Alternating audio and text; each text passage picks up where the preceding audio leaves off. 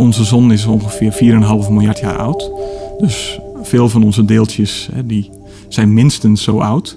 Maar het zou best kunnen dat uh, als je naar je hand kijkt, dat die deeltjes daarin al 10 miljard jaar bestaan. Dus is, uh, je bent eigenlijk zelf ook al een fossiel uh, als je het zo bekijkt. Al dus Jelle de Pla, sterrenkundige bij ESRON, het Netherlands Institute for Space Research. Oftewel in het Nederlands het Nederlands Instituut voor Ruimteonderzoek. Als klein jongetje was hij al gefascineerd door de ruimte en tuurde hij al naar de sterrenhemel. Bezoek onze website waar Jelle de Pla ook blogt en volg ons op Twitter en Facebook voor meer verhalen uit de wetenschap. Mijn naam is Karin van den Boogaard. Dit weekend, 23, 24 en 25 februari, zijn de landelijke sterrenkijkdagen. Alle sterrenwachten zijn open voor publiek, maar eigenlijk kun je iedere heldere nacht kijken naar de sterren en planeten.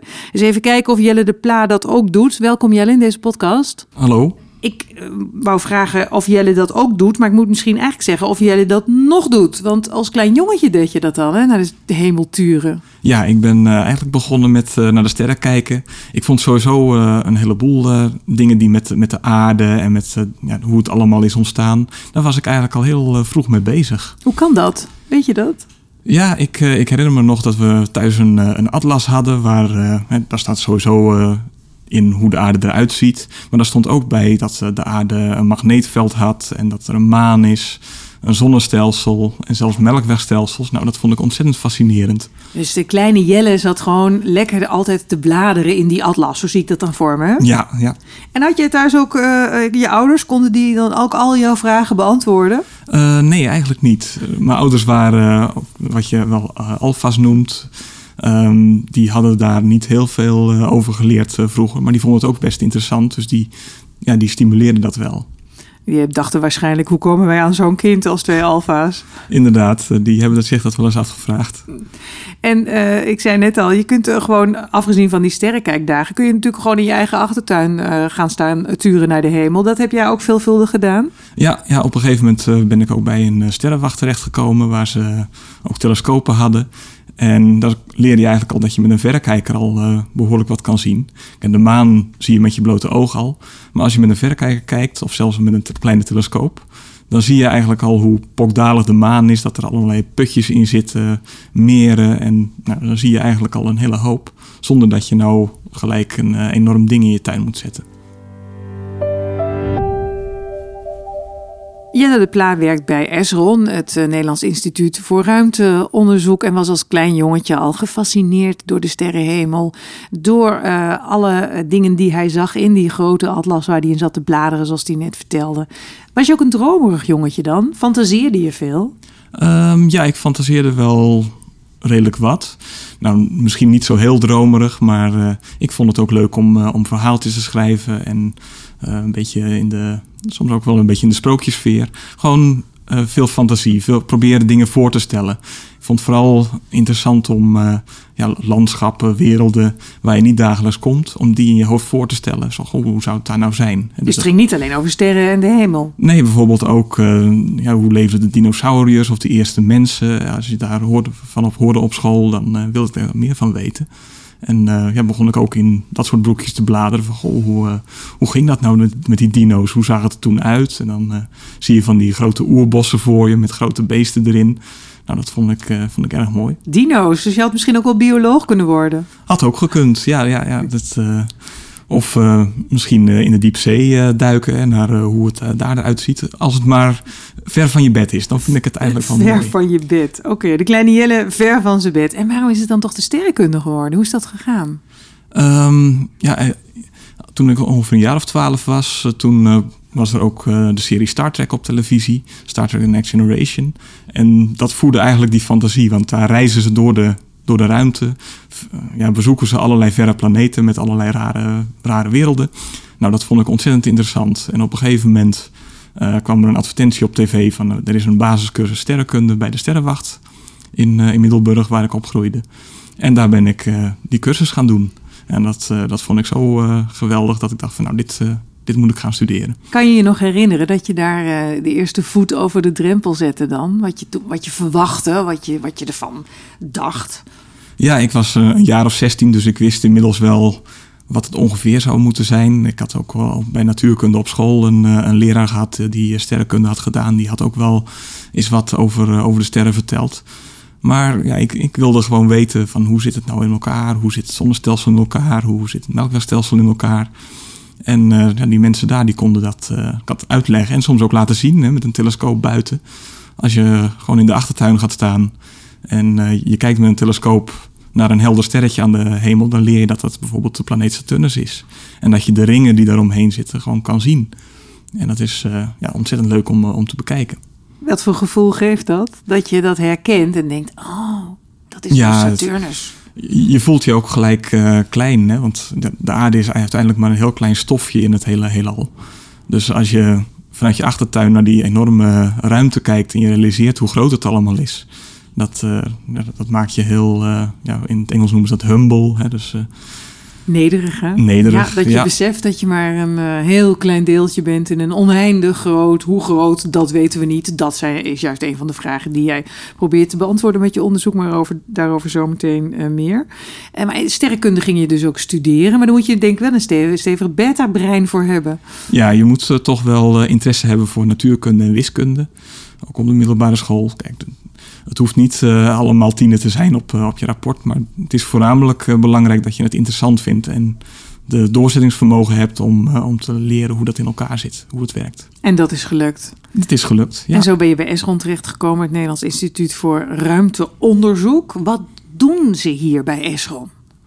Um, wat we hier bij Esron doen, is eigenlijk verschillende aspecten. We doen onderzoek vanuit de ruimte. En dat kan onderzoek naar de sterrenhemel zijn, maar ook onderzoek eh, naar onze aarde, hoe onze atmosfeer eh, in elkaar zit. En we bouwen hier instrumenten voor satellieten die het licht uh, ofwel van de aarde of vanuit de ruimte kunnen opvangen. En we doen hier ook de gegevensverwerking van die satellieten.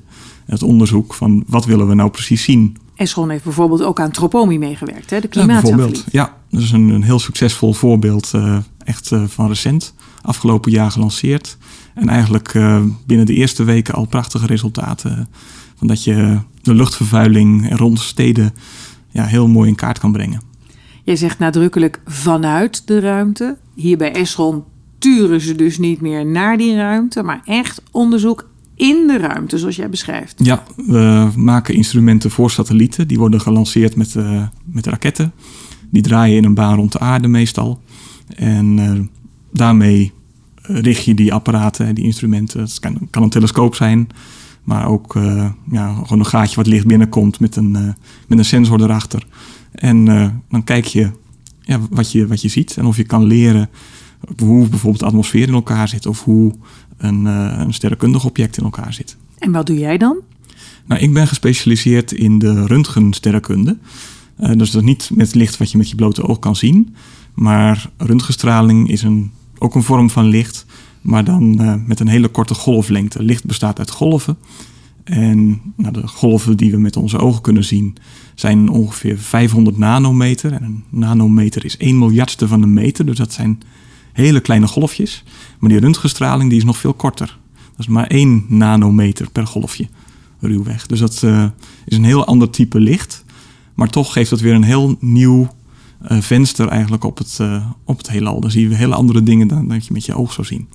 Zometeen verder over de röntgenstraling en jouw onderzoek. Hoe komt het dat Nederland zo goed is in dit type onderzoek? Want Esron staat internationaal aan de top.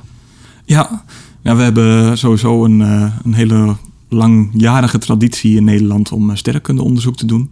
Dat is over nou, bijna eeuwen is dat, is dat opgebouwd.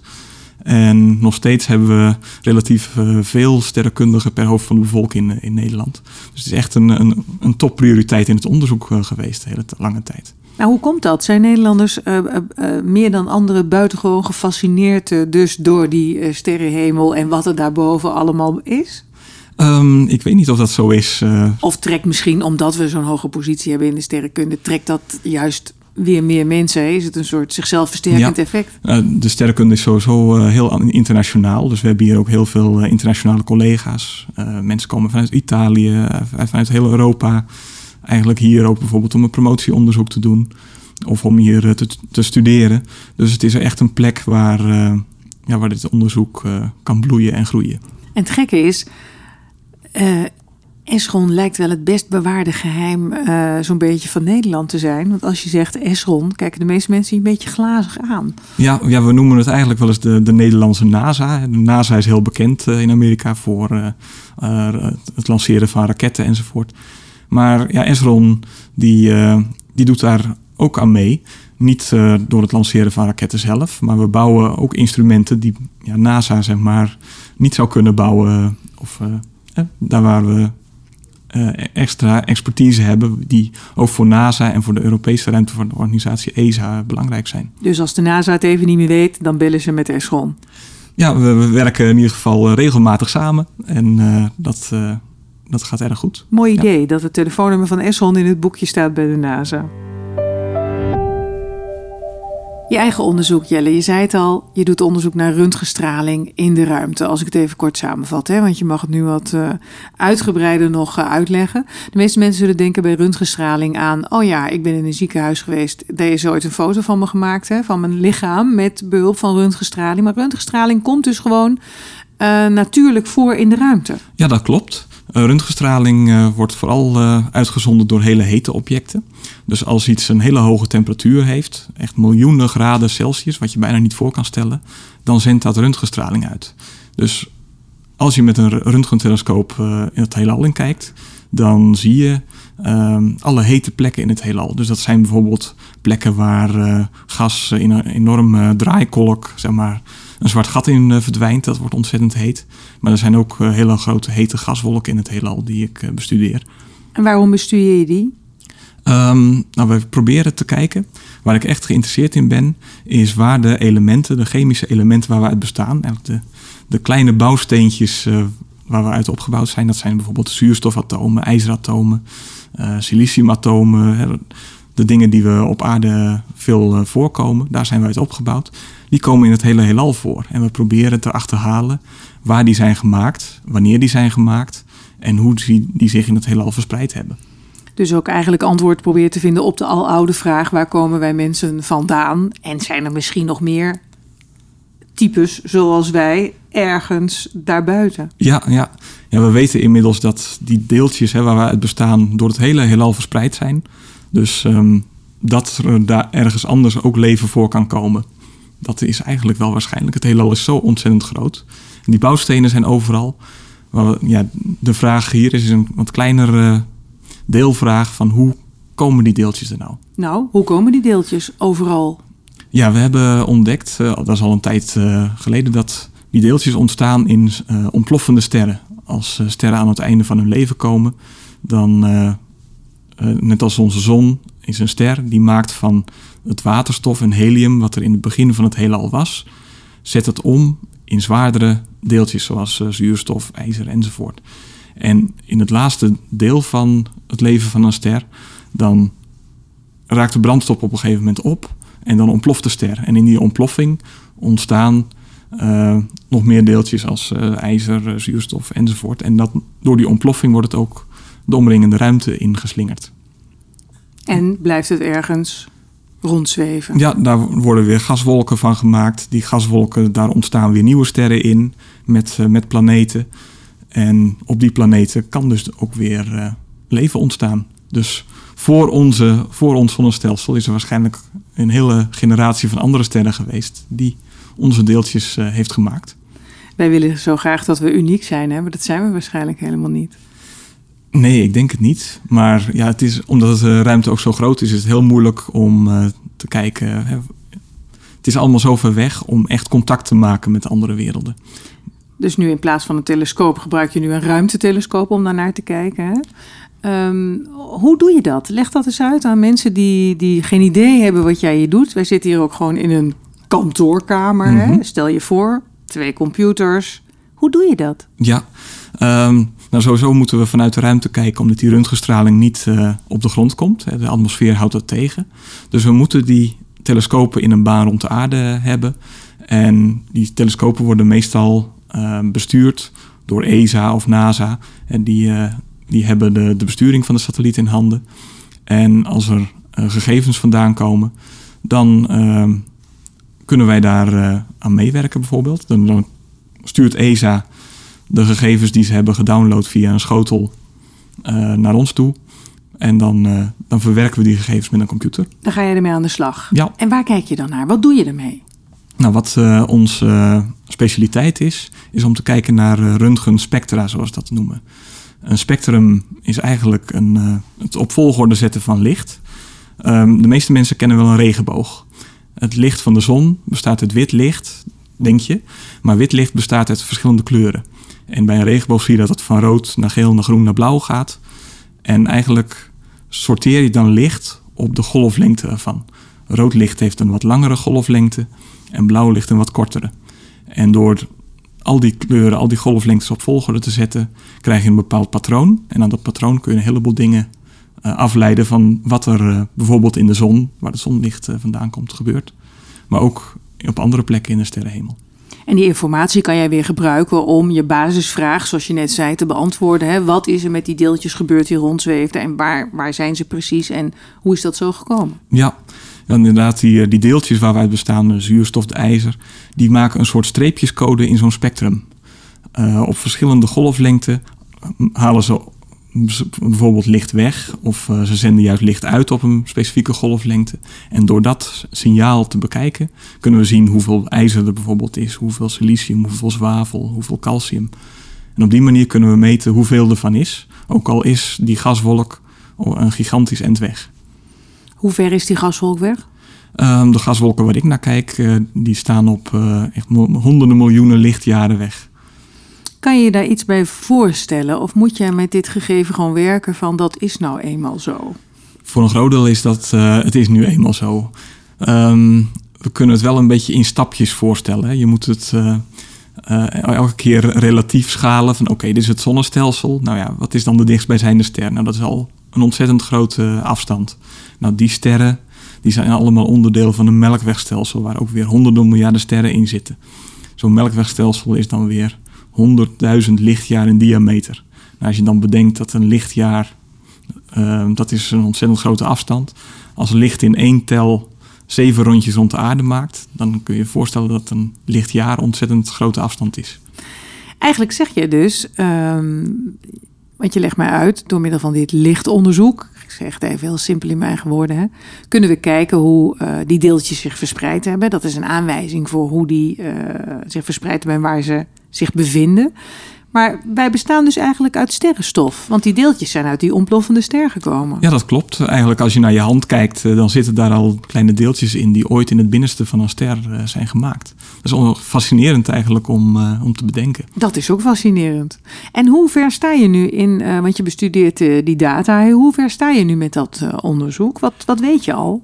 Um, nou, we weten eigenlijk dat ook al kijk je honderden miljoenen lichtjaren ver, dan hebben we gezien dat uh, de samenstelling van de, de gassen eigenlijk heel veel lijken op die als zoals de zon. Um, en dat een heel veel van die deeltjes eigenlijk al heel vroeg in het heelal gevormd moeten zijn. We weten nog niet precies wanneer, maar dat zou best wel eens uh, 10 miljard jaar geleden kunnen zijn. Maar dat is ook weer niet gek, zeg je zelf, want de zon is ook een ster. De zon is ook een ster. Ja, dus onze zon is ongeveer 4,5 miljard jaar oud. Dus veel van onze deeltjes hè, die zijn minstens zo oud. Maar het zou best kunnen dat uh, als je naar je hand kijkt, dat die deeltjes daarin al 10 miljard jaar bestaan. Dus dat is, uh, je bent eigenlijk zelf ook al een fossiel uh, als je het zo bekijkt. Nou, nu ga je wel heel filosofisch te werk. Dus jij wil zeggen, die deeltjes zijn zo oud dat ook al zitten ze in mijn eigen hand en ik ben pas 50, dat ik inderdaad al veel ouder zou zijn. Dat mijn onderdelen veel ouder zijn, ja, dus, waaruit ik ben opgebouwd. Er zitten bijvoorbeeld ijzeratomen in die misschien al 10 miljard jaar geleden zijn gevormd. Dus, wat voor zin, want we moeten natuurlijk altijd even de vraag naar het nut uh, stellen, ook in deze podcast. Wat voor zin heeft het om te weten of het nu twee, drie of tientallen miljarden jaren geleden was? Ja, ons onderzoek is vooral nieuwsgierigheidsgedreven. En dus we, proberen die grote vragen die mensen toch stellen op te lossen. Um, maar tegelijkertijd, om die vragen op te lossen, heb je ook eigenlijk nieuwe technologie nodig. We maken hier bij Esron ook nieuwe sensoren die echt op het randje zitten van wat we kunnen. En die nog beter proberen die golflengte van dat licht uh, te meten. En op die manier uh, leveren we ook een bijdrage aan de technologische ontwikkeling. En die technieken kun je ook weer verder gebruiken, ook, ook op aarde. Want dat is natuurlijk wel interessant. Je wil een heleboel weten. Maar om dingen te weten te komen, eh, heb je dus inderdaad soms instrumenten nodig die nog helemaal niet bestaan. Dus die moet je eerst dan zelf gaan bouwen. Die moet je eerst eh, gaan ontwikkelen. En wat we nu aan het doen zijn, is het ontwikkelen van een sensor die we over tien jaar in een, eh, in een satelliet willen hebben van de ESA. En die, die sensor die moeten we koelen tot min 273 graden onder nul. Dus ontzettend koud maken. Ehm, waardoor we een, een, zo gevoelig zijn dat we die, eh, die, die röntgenlichtdeeltjes zeg maar, eh, ontzettend nauwkeurig kunnen meten. En dat, eh, dat ligt echt aan, aan de rand van wat we nu technologisch kunnen. Maar dat kost dus tien jaar om dit te kunnen bereiken. Ja, en we zijn eigenlijk al in de jaren negentig begonnen met het ontwikkelen van, van deze instrumenten. Dus de, de tijdschalen zijn ontzettend lang in dit onderzoek. Ja, want eigenlijk word je dus beperkt door uh, dingen die je nog niet kunt maken. Je weet wel wat je wil weten, maar de instrumenten die het moeten gaan onderzoeken, die moet je dan eerst weer ontwikkelen en dat kost al zoveel tijd. Ja, en je moet ook uh, ervoor zorgen dat, ook al maak je iets uh, vernieuwends, dat het ook in de ruimte goed gaat werken. Want in de ruimte kun je, kunt een satelliet lanceren, maar daarna kun je er niet meer bij om iets te repareren.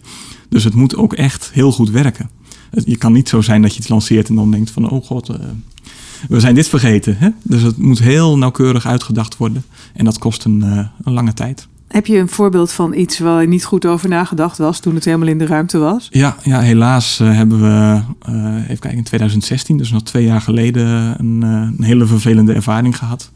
Um, we werkten met een Japanse satelliet, waar we ook zo'n mooi instrument op hadden. En een maand nadat die gelanceerd was, is het uh, jammer genoeg misgegaan door een uh, fout in het zandregelsysteem. Dus de, de satelliet is toen uh, helemaal kapot getold. En die kunnen we dus ook niet meer gebruiken. En dat is een, een zware tegenslag geweest. Dus alle apparatuur ook die erop zat en die dingen moest gaan onderzoeken en meten voor jullie, die was ook meteen verloren. Ja, ja we hebben eigenlijk maar een paar hele goede metingen van die satelliet kunnen krijgen. de satelliet heette Hitomi. En toevallig was het ook in mijn vakgebied. Uh, we hebben geprobeerd om te kijken welke elementen er in het uh, pershuiscluster zaten. Dat is een, een, cluster van melkwegstelsels in het sterrenbeeld Pershuis, waar zo'n hele hete gaswolk omheen hangt. En daarin hebben we gezien en hebben we veel nauwkeuriger kunnen kijken naar welke deeltjes er allemaal in zitten en, en hoeveel het ervan zijn. Maar ja, nu hebben we maar één waarneming. We hadden eigenlijk veel meer van die wolken aan de sterrenhemel willen bekijken. Uh, vloek je dan hardgrondig als zoiets gebeurt? Uh, ja, eigenlijk wil je dat wel. Ik ben er eigenlijk zelf iets te netjes voor om daar uh, flink over te, te, vloeken. Maar, maar, je denkt wel potverdieking. Ja, je bent er behoorlijk, je hebt er behoorlijk de balen van. Ja. Dat is een negatieve ervaring. Kan je ook een positieve ervaring noemen? Dat je op een gegeven moment dacht, wauw, dit is waar ik nog op zoek was en we hebben het gevonden. Ja, ja ik heb ook af en toe wel eens collega's geholpen met een iets ander vakgebied. En uh, toen heb ik ook voor het eerst uh, iets gezien wat uiteindelijk in een Nature paper is uh, terechtgekomen. Wat dan? Um, we zagen, we keken naar een hele kleine ster, een neutronenster, die, die om zijn as draait. En dat werkt als een soort vuurtoren. Elke paar tellen zeg maar, komt er een bundel langs die we kunnen zien. En die keken we, bekeken we in röntgenstraling, maar ook in, in radio. En we dachten dat die bundel zowel röntgenstraling als radiostraling uitzond. Maar en, en, maar die ster die, uh, die was de ene keer helder en de andere keer wat zwakker. En toen we begonnen te kijken, dachten we van hé, hey, we zien in röntgenstraling die, uh, die sterren helemaal niet goed. Terwijl die in radio eigenlijk uh, heel fel was op dat moment. Dat, dat, dat gaat niet goed. En de volgende waarneming die we eraan deden, toen was de radio wat, wat zwakker. Maar toen bleek die in röntgenstraling helder te zijn. Precies omgekeerd als dat we verwachten ja, dat, uh, dan, meet je echt iets nieuws. Je ziet het op je scherm. Zo van, eerst denk je van dit klopt niet. En vervolgens realiseer je van ja, we hebben echt iets nieuws ontdekt. En dat is misschien maar een heel klein onderdeeltje, maar dat, uh, daar krijg je kippenvel van, van dat soort dingen. Sterrenkijken kan dit weekend bij uitstek bij de landelijke sterrenkijkdagen. Heel veel sterrenwachten zijn uh, open. Net zoals jij vroeger als nieuwsgierige jongen naar de sterrenwacht ging in uh, Middelburg. Kunnen ook uh, dit weekend weer kleine jongens en meisjes geïnspireerd ehm, raken. Er is altijd heel veel belangstelling voor. Hoe verklaar jij dat ook vanuit die intrinsieke nieuwsgierigheid die jij toen had? Ja, mensen zijn sowieso nieuwsgierig naar waar ze vandaan komen en hoe het allemaal in elkaar zit. Er zijn heel veel mensen die dit, dit echt leuk vinden. Dus ehm, ja, ook al heb je misschien niet die aanleg voor wiskunde op, op school, toch blijft het fascineren. En ja, met een telescoop op zo'n sterrenwacht kun je eigenlijk al met je eigen ogen hele leuke dingen bekijken. Ja, je bent ook vrijwilliger geweest hè, op de Sterrenwacht. Wat vragen mensen nou al? Ja, mensen vragen eigenlijk uh, van alles en nog wat. Natuurlijk, wat is een zwart gat? Hoe zit dat nou in elkaar? Um, hoe ver staan die planeten nou weg? Um, zijn er andere mensen ergens uh, in het heelal? Is er leven? Dat zijn uh, wel de hoofdvragen die mensen stellen.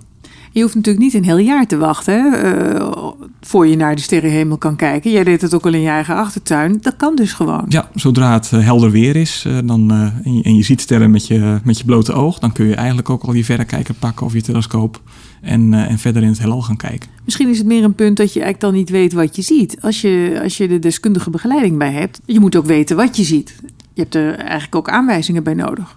Ja, ja dat, eh, dat klopt inderdaad. Want je moet ook wel een beetje oefenen om door zo'n telescoop te, te kijken. Want uh, we hebben last van de, onze atmosfeer vaak. Vooral in Nederland kan er wel eens een wolkje tussen zitten of kan de, de, atmosfeer een beetje bewegen. En dan beweegt het beeldje wat je ziet in de, in de telescoop ook een beetje. En dan moet je ook een beetje aan wennen. En ook hoe, hoe groot dingen nou precies zijn in je, in je telescoopbeeld. Maar goed, stel ik ga met mijn verrekijker in mijn achtertuin staan komend weekend. Uh, perfecte omstandigheden, helder. Het gaat ook vriezen hè, dit weekend. Uh, in welke richting moet ik kijken? Um, nou, dus alle richtingen zijn in principe uh, leuk. Maar bijvoorbeeld de maan is dit weekend op een, in, in, een leuke fase. De, de, maan is nu voor een kwart verlicht, voor ons idee. Dus halve maan. En op die helft, tussen, het verschil tussen het licht en het donker daar uh, staat uh, de zon een beetje schuin op de kraters. En dan kun je heel mooi de kraters zien. Uh, dat, dat, lijkt dan bijna in 3D naar boven te komen als je daar met een, met een verrekijker of telescoop naar kijkt. En kan ik nog andere planeten ontdekken? Um, de andere planeten staan in deze periode jammer genoeg aan de ochtendhemel. Dus dan moet je s morgens vroeg opstaan om voor zonsopkomst ja, naar het oosten te kijken. En daar staan een, een paar heldere sterren die, nou, volgens mij is Mars en Jupiter onder andere. Maar dat, uh, dat kun je dan helaas niet op de sterrenkijkdagen zien. Nee. Maar dan uh, komt het een andere keer als de planeten wat gunstiger staan. Precies. En zoals gezegd, die sterrenwachten zijn ook op andere momenten open. Hè? Dus je kan altijd even langs gaan. Ja, de meeste sterrenwachten zijn uh, één keer per week geopend. En dus kijk op hun website wanneer ze in jouw buurt open zijn. En dan krijg je er ook nog deskundige uitleg bij. Inderdaad. Ja. Jelle de Pla van Eschon, heel erg bedankt voor dit interessante gesprek. Wie weet spreken we elkaar nog een keertje als je wat meer uh, informatie weer hebt gekregen uit de ruimte. Dankjewel. En tegen de luisteraar zeg ik: vergeet je niet uh, te abonneren op onze podcast. We zijn te vinden in onder meer iTunes, de podcast-app Stitcher en Soundcloud. En laat daar ook een recensie achter. Dat helpt ons om hoger in de iTunes-rankings te komen. En wil je reageren op wat je hebt gehoord in de podcast? Dat kan via Facebook en Twitter. Dank voor het luisteren.